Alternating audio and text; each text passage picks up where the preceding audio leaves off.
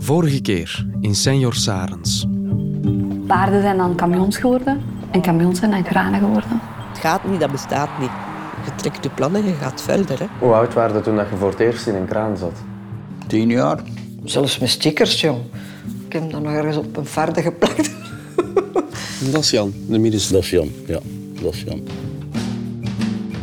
Dat ze iemand dood, dood willen. Ja, dat is heel moeilijk om te verwerken. It rained the whole day, spent at his lover's grave. Said his goodbyes to her family and friends. Packed his things in a rusted car and rode off in the rain. He came upon a church in ruin with an old man dwelling within.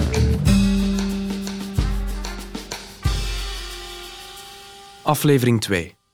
Een druppel mescal. Dat is nog een fles dat onze Jan van Slijven meegebracht heeft, mescal. En omdat je bij onze Jan komt, moet je daarna een druppel van drinken.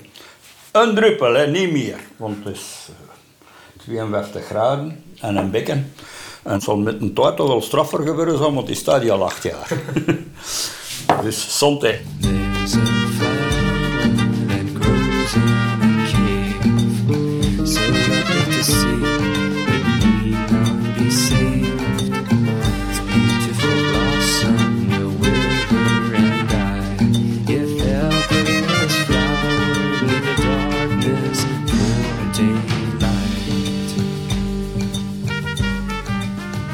Deze aflevering maak je kennis met Jan Sarens, de man waarover deze hele reeks gaat. En zetten Luc en ik onze koers richting Mexico verder. Maar we nemen meteen een valse start. Want onze talis staat stil. 80 minuten. We gaan onze vlucht toch niet missen, hè, Luc? Waardoor we onze vlucht missen. Ja, zeg. En nog een nachtje moeten slapen in een hotel vlakbij de luchthaven. Godverdomme. Morgen pas een vlucht richting Mexico. Maar dat geeft ons nu wel al de tijd om wat meer over Jan te weten te komen. Jan was in Steenuffel en omstreken erg graag gezien. En hij had de gave om mensen aan het lachen te brengen. Dat was bij ons thuis ook zo altijd. Als ons moeder een moeilijke dag had, onze vader zei dan... Allee, Janneke, doe ons moeder teruglachen. En hij kon dat. En ondanks zijn tragische einde brengt hij vandaag de dag nog steeds mensen aan het lachen.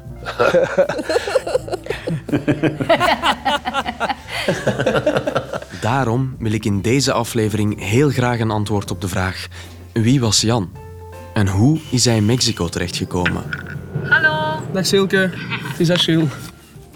Om zijn karakter, een levenswandel, te kunnen vatten, begin ik met datgene dat doorheen de interviews het vaakst aan bod kwam. En dat waren vooral zijn technische capaciteiten. Ja, echt technicus. Die kende zijn stijl van de kranen deur en deur. En creatief. Die passie voor de techniek was echt gewoon... Ja, dat was echt een verlengstuk van hem. Hè. En die passie voor techniek, die was er al op jonge leeftijd. Als kind dan deed hij ook van ons pop, als die een oogje had dat kon knipperen, dan prutste hij dat oog eruit om te zien hoe dat, dat mechanisme werkte van dat oog. Op zijn 10, 12 jaar stak dan al brommers in hier. Hè. Van draait slechte brommers, een goeie maken. Van als hij jong was, dat was zo, ja. Net aan altijd jaren gedaan. Zie je, hij, hij moest weten hoe dat, dat werkte en hoe dat, dat was. En als je met zo'n technische knobbel in een reusachtige familie geboren wordt, die bovendien nog eens een florerend kranenbedrijf heeft, dan is het alleen maar logisch dat Jan mee in het bedrijf stapt. Ja, hij was ook ingenieur van opleiding, technisch ingenieur. Dus ik denk dat hem ook wel heeft kunnen floreren in wie dat hij is door het feit dat dat bedrijf er al was. Hij heeft dat dan nog wel mee helpen eh, groeien natuurlijk ook wel. Dat het bedrijf groeide hoorde je in de vorige aflevering al, dus daar gaan we niet te lang over uitweiden. Maar ook de familie groeit.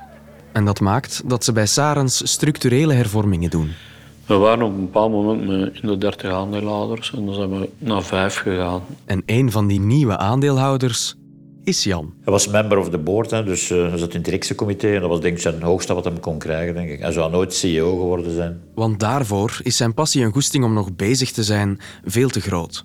Ik heb hem weten bij ons in Bereil op zijn knieën weten zitten. Met een plan. Hè. Om een kraan te positioneren in Brussel-stad was om een bepaalde torenkraan te demonteren. En op zijn knieën was hij aan het puzzelen met, met een schaalverkleining zo, om die kraan daar toch op zijn plaats te krijgen. Ja, zelfs de stempel van een kraan in het portier van, van een voordeur van een woning zo in een inham, het is hem gelukt. hè. Elke vierkante centimeter benut, ja. En hij heeft het gedaan, ja, ja. Ja, daarin was een straf. En toch blijft hij met zijn beide voeten op de grond en tussen het werkvolk staan. Dat hij s morgens op de zaak kwam, in de werkplaats, die kroop zelfs zonder een morkfeut tegen die mensen een goeiemorgen te zeggen. Hè. Met zijn schoon kostuum aan, hè. en mij met zijn bot in het slaak had nodig was berepte. Misschien daardoor dat hij wel wat respect had. Hij kreeg veel respect ook van de mensen. Wat zegt men? Macht kunnen krijgen. Maar respect dat moeten verdienen. Hè. Maar Jan had dat wel verdiend. Dat hij nooit wat verdient, ja. Maar natuurlijk is Jan ook geen heilige. En stond hij bekend voor zijn kort lontje. Naar zijn personeel kost hem... pff, like als een, een duivel uit een doos omhoog springen. Als hij boos was, dan maakten wij dat we weg waren. hè. Ja, dat is like als een pot water die je op vuur zet. Op een gasvuur. En dat water dat begint te koken, te koken en dat kookt over. En doordat dat overkookt, gaan die vlammen uit. En dan zakt dat water terug. En Jan was ook zo. Dat was... Goh, ik kost omhoog vliegen. En iedereen had het geweten. En vijf minuten erachter wist hem eens drinken. Jan maakt van het bedrijf zijn levenswerk. Dat was zijn interesse, zijn lijven. Hè. En hij is zelfs zo gebeten dat het ook in zijn gezinsleven een belangrijke rol inneemt. Papa, als wij van op reis kwamen, no matter what, voordat we naar huis gingen, hij altijd langs de werf reed. Wij noemen dat zijn stoefturken. En ik weet dat wij soms zagen van, gaan we niet naar huis? Gaan we niet naar huis? Maar dat hij dan zo soms ook stopte aan zo bepaalde kranen of bepaalde stukken op de werf. En noemden jullie de, de, de plek waar dat de kranen stonden ook niet de Nof of zo? Ja, de Nof. Dat is juist de nof. Ja. Nou, de Nof. Ik moet naar Nof. Ja. ja, dat is zo grappig. Hè? De Nof is eigenlijk zo dialect voor de tuin. Hè? Maar dat was zijn tuin misschien. Ja, voilà. Die herinnering heb ik wel. Maar ook zo bijvoorbeeld, hè, er moet een werkje gebeuren in een tuin of zo. En er moeten bomen uitgegaan worden. Hopla, er staat daar zo het kleinste kraantje van zijn. Want dat is echt ook iets dat ik wel schoon vind. Iedereen dat daarin zit, is wel gepassioneerd door zijn werk. Op een bepaalde manier blijf je daarmee vergroeid tot als je in je graf ligt, denk ik. Ik koppel even terug naar onze reis. Want buiten onze Thalys die 80 minuten vertraging heeft en de vlucht die we daardoor missen, is er nog een probleem. Een jaar zeg. Luc en ik spreken beide geen Spaans. Godverdomme. En dat is in een land als Mexico knap lastig. In de zoektocht naar een tolk botste ik op de Facebookgroep Vlamingen in Mexico. Ik maakte mezelf lid en postte meteen een berichtje. Hallo allemaal, uitroepteken. Ik ben nieuw in deze groep en moet bekennen niet woonachtig te zijn in Mexico. Ik deed de hele uitleg over de podcast, die ik zo net ook aan jou deed, en drukte op posten. Wachten op reactie zeker. En die reactie, die kwam er al vrij snel.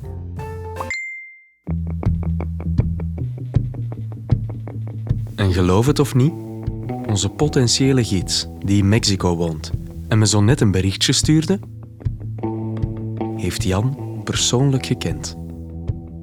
Maar dat is voor straks.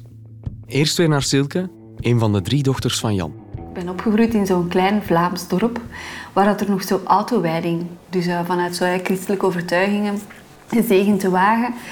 En nieuwe kranen eh, van Saris, die, die gingen dan mee in de stoet. Dat waren niet zo de kleine kraantjes, dat waren vaak echt zo de, de mastodonten. En wij als kind, wij mochten dan mee.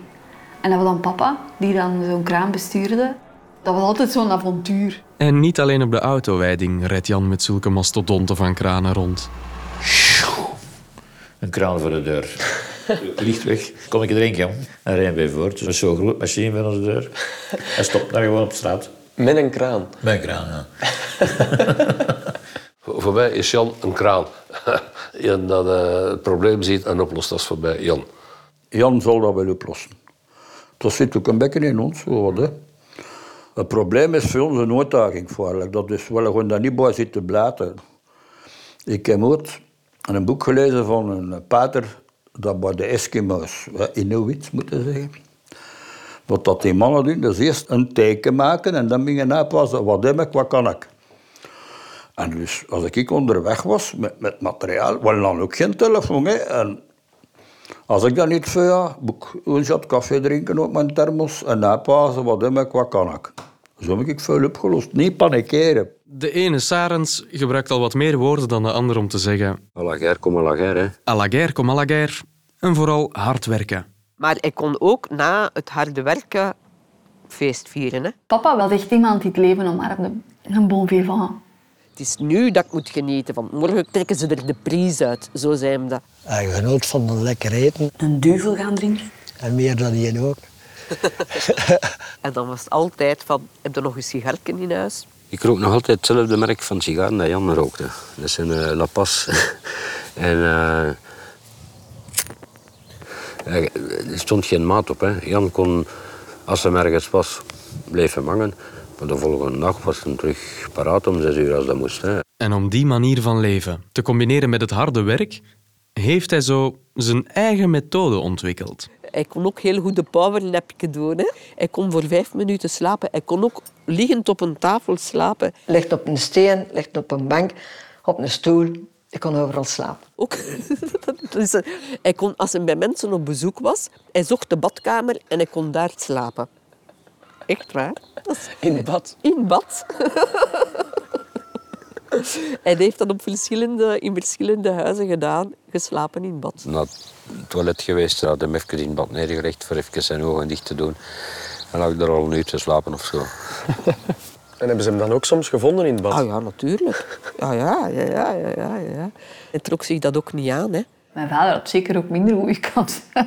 Ja, hij had een opportunistisch kantje. Maar zo vergeeflijk. Ja, dat gebeurde wel vaker dat hij zo voor een dag naar Duitsland moest of zo. Of naar god weet waar. Wij moesten dan rijden. Kon hij zijn krant lezen terwijl. Dan was wel meer kameraad als broer. Hè. Ja? Ja, ja, ja. Verstond elkaar heel goed. Ja, ja, ja. Zonder veel woorden en zo. En hij kon charmeren, het was wel een charmeur. Hè. En hij sprak iedereen aan met zoeteken en vriendeken en altijd een kukken achter. Tegen mij zei hij altijd zuske. Ik denk dat dat tegen al zijn zussen zei, ze, maar ja, hey, zuske, zo. Maar ik zei altijd Jan tegen hem, gewoon Jan. Niet broerke? Nee, nee, dat heb ik nooit niet gezegd. Altijd goed gezind. Soms een beetje gierig, mooi. Een beetje, hè. Hij ging niet de eerste de ronde geven in de stammenij. We hadden een ronde wel gegeven, maar niet de eerste. Ja, dan lachten we daar wel mee, hè.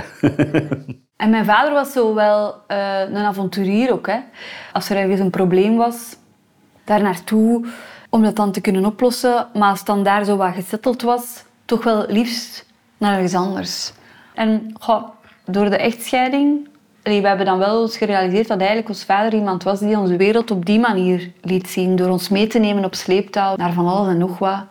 Heel open van geest toch wel, vind ik. Ik denk dat dat ook maakte waarom dat hij ook goed dijde als crisismanager om het kind aan een naam te geven. Fungeerde in het bedrijf en dus heel veel naar buitenland kon. Dat dat dan, ja, de avontuurlijke in hem werd dan wel aangewakkerd. Jan wordt doorheen de jaren steeds meer ingezet als crisismanager bij Sarens. En daarvoor reist hij vaak naar het buitenland af. Luc en ik steken ook de grens over. Van België naar Schiphol, om dan het vliegtuig op te stappen naar de laatste plek waar Jan geweest is: Mexico.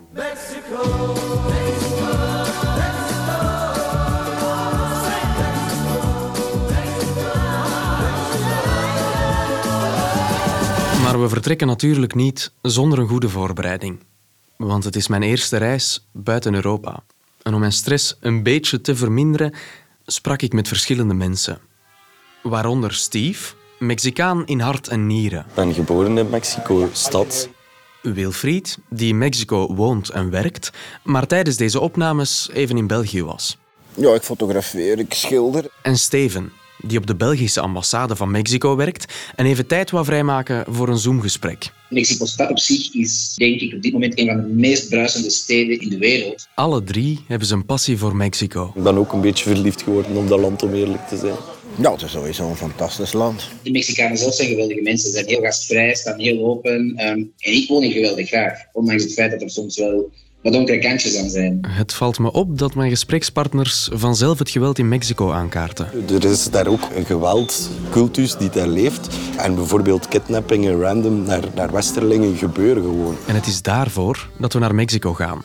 Het hoofdpersonage, zijn persoonlijke historie ken ik niet. Maar allee, het verbaast mij niet dat er zulke dingen kunnen gebeuren.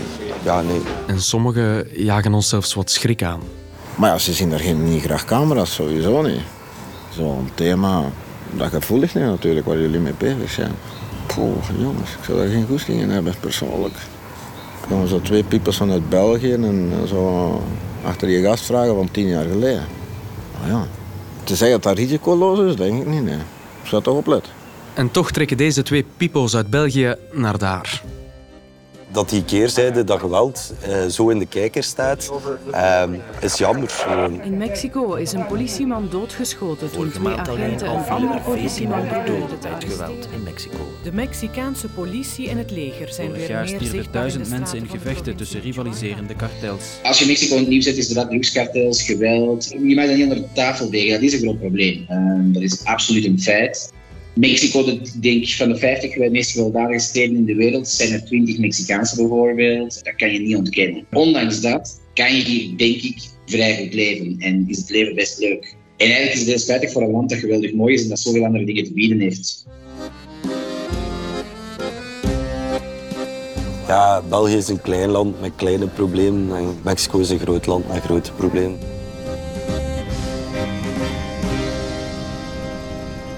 En dit is ons vliegtuig dat zojuist geland is op de luchthaven van Mexico-stad. Ladies and gentlemen, your passengers welcome to the airport of Mexico. Het is uiteindelijk dus goed gekomen met onze vlucht. Weliswaar een dag later dan gepland, maar we zijn er geraakt. En dat is het belangrijkste. Buiten de luchthaven staat onze gids en vertaler Leo ons op te wachten. Welkom. Dankjewel. Hoe is het ermee? Ja, dus normaal. Droog. Wel, laten we naar buiten om een Uber te- Straks vertel ik je nog een beetje meer over onze reis. Want wij zijn ondertussen dan wel aangekomen in Mexico. Jan is dat in deze podcast nog niet. Hoe is hij er uiteindelijk beland? Onze Jan was pionier bij Saris, hè, dus die ging waar daar nog geen Saris was of veel minder. Eerst in Frankrijk veel gezeten, daarna zaten in Bahrein. Hij was in Amerika, was in Marokko. In Jemen, in Saoedi-Arabië, in Algerije denk ik ook. Maar waar Jan startte als eh, bedrijfsleider, dus dat bloeide open. Hè. Ook heeft hem telkens, als er een bedrijf overgenomen werd, dan, dan ging hij daar naartoe. Hij, hij, hij probeerde dat bedrijf dan terug op de rails te zetten. Hij kon dat ook. Maar hij, dat was vooral voor de uitdaging. Hij moest altijd een nieuwe uitdaging hebben. Niks was te hoog of te lang of te kort of te smal. Hij ging een keer eh, zo in spelonken grotexpedities doen. Hè, maar hij was een mollig kind. Allee, hij was toen al volwassen. Hè. En eh, een mollige. En hij is een keer komen vast te zitten in een gat. Oei. Dan, ja, maar hij panikeerde niet. Hè. Een teken maken en dan ging je uitwassen. Wat heb ik, wat kan ik? Ik ben er tot hier door geraakt, dus ik ga er terug door geraken. Dat is zijn manier. Lager, kom maar lager, hè. En hoe lang heeft hem daar dan vastgezeten, toch niet? Ja, een uur of twee zeker. Hè. Zo lang? maar hij is er wel uitgeraakt. Hè. Een ander zou al niet gedurfd hebben in zo'n klein gatje kruipen. En hij had van niks schrik. Van zoiets had hij ni- niks schrik. Hij deed van alles. Jan zonder vrees. Jan zonder vrees. Nee, dat wij meer schrik hadden dan hij. Als je aan zijn mouwen zou getrokken hebben, hij zou de mouwen uit zijn jas getrokken hebben en toch gegaan hebben. Je kon hem niet tegenhouden. Niks zou hem tegen, nee. Nee. Nee, hoe graag hij ook mensen zag, niemand of iets hield hem tegen van iets dat hij wou doen. Mhm. Dat is wel ten koste soms van mensen. Allee, mijn ouders zijn gescheiden. En ik denk dat een van de redenen ehm, ook was dat ons vader echt compleet verdronk in het werk ook wel een beetje. Hè.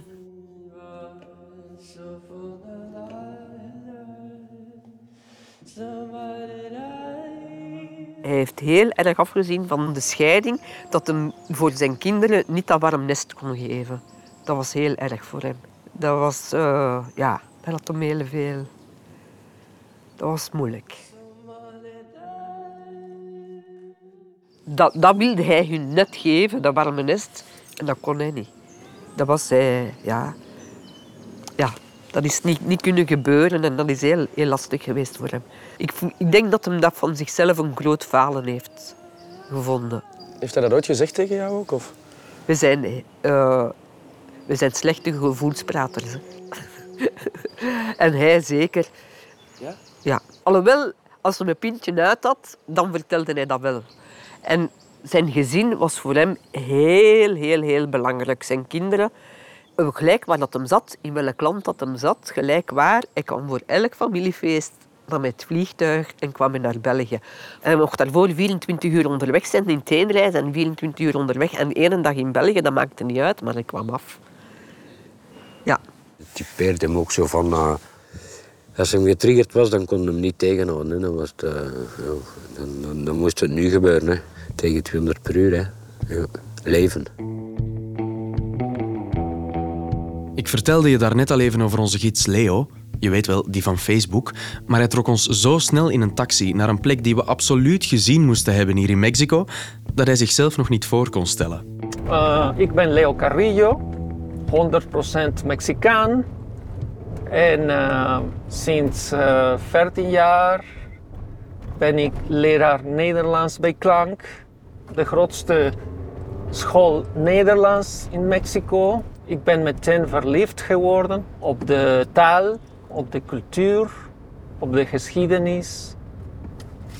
Alles van België en, en Vlaanderen. En het beste van al, ook hij kende Jan. Ja, klopt. Hij was heel sympathiek. Hij was glimlacht. Altijd positief, vrijgevig. Ja, hij was een, een goede zakenman, maar ook een, een, een goede persoon. Met zo'n leven. Dat, dat, dat is niet mijn, niet mijn geval. Dus ik heb met hem uh, voor mijn eerste uh, een sigaar aangestoken. en whisky gedronken. Ja, dus, ja, alle clichés samen. Hè? Ja, die waren leuke tijden, eigenlijk. Dus hoe komen we dan bij Mexico? Dat was ook door een uh, joint venture met Ojeda. Een joint venture dat is een samenwerking tussen twee bedrijven. Om op die manier een basis te hebben in een land waar je anders van nul moet beginnen. Sarens ging vaak op die manier te werk, maar... Ja, in Mexico is dat dan een beetje mislopen eigenlijk op dat moment. Sarens verhuurt kranen aan Ojeda, een ander kranenbedrijf gevestigd in Mexico. Er was een kraan in de ravijn gestort. En een van die kranen van Sarens is in een ravijn gestort. En Jan moest die daar eh, gaan uithalen. En dat moest Jan, als crisismanager, gaan oplossen. Van de baan afgeraakt was, hij was in de ravijn gesukkeld. Die lag op een hele ongelukkige plaats, vlak tegen het water. Dat was een chauffeur, ja, die... Uh, hij zei dat ja, dat moest uitwijken, maar blijkbaar zat, zat hij dus achter sturen. Wat een apen? Apensteun het. Ah, stoned. Dat steunt, steun, ja, hoe zeg je dat? Is niet mijn branche. ja. Of de chauffeur nu moest uitwijken voor iets, of apenstoned achter het stuur zat, laten we in het midden, zullen we wellicht nooit weten. Zou het daar zijn? Ik denk het, ja. Ik zie toch al water. Ja, nee? Of is dat geen water? Wat is dat? Ja, ja dat is water. We bereiken de plek waar Leo ons naartoe sleurde. Hier staan we aan de rand van een ravijn. Buiten Mexico-stad. Ja, het ravijn heeft ongeveer 50 meter diepte. Het was toen een, een andere kraan nodig, een grote kraan nodig om de andere kraan eruit te halen. Ja, dat, dat beleef je niet in, in, in Vlaanderen, want er zijn eigenlijk geen ravijnen. Dus dat was een bijzondere situatie voor hem ook. maar in Mexico heb je er veel, overal. Hè? Dat gebeurt. Ja, wel straf, hè? Heel straf. En sindsdien heeft hij Mexico in zijn hart gehouden. Maar Jan zag ook dat uh, bij die Ojeda, bij die zakenpartner, dat dat niet alles liep gelijk dat, uh, gelijk dat afgesproken was. En uh, hij is dan zelf een spoedcursus Spaans gaan leren en hij is naar daar gegaan. Hè. Maar we waren op zich wel het, het idee al gewoon dat hij naar het buitenland ging en dat hij soms maanden weg was of zo. Ja, het verschil was hè, dat hij ons bijeenriep en dat hem zei van ik ga echt verhuizen naar Mexico. Ja, ik ga naar daar voor God knows how long. Dat was wel zo van, wow, oké.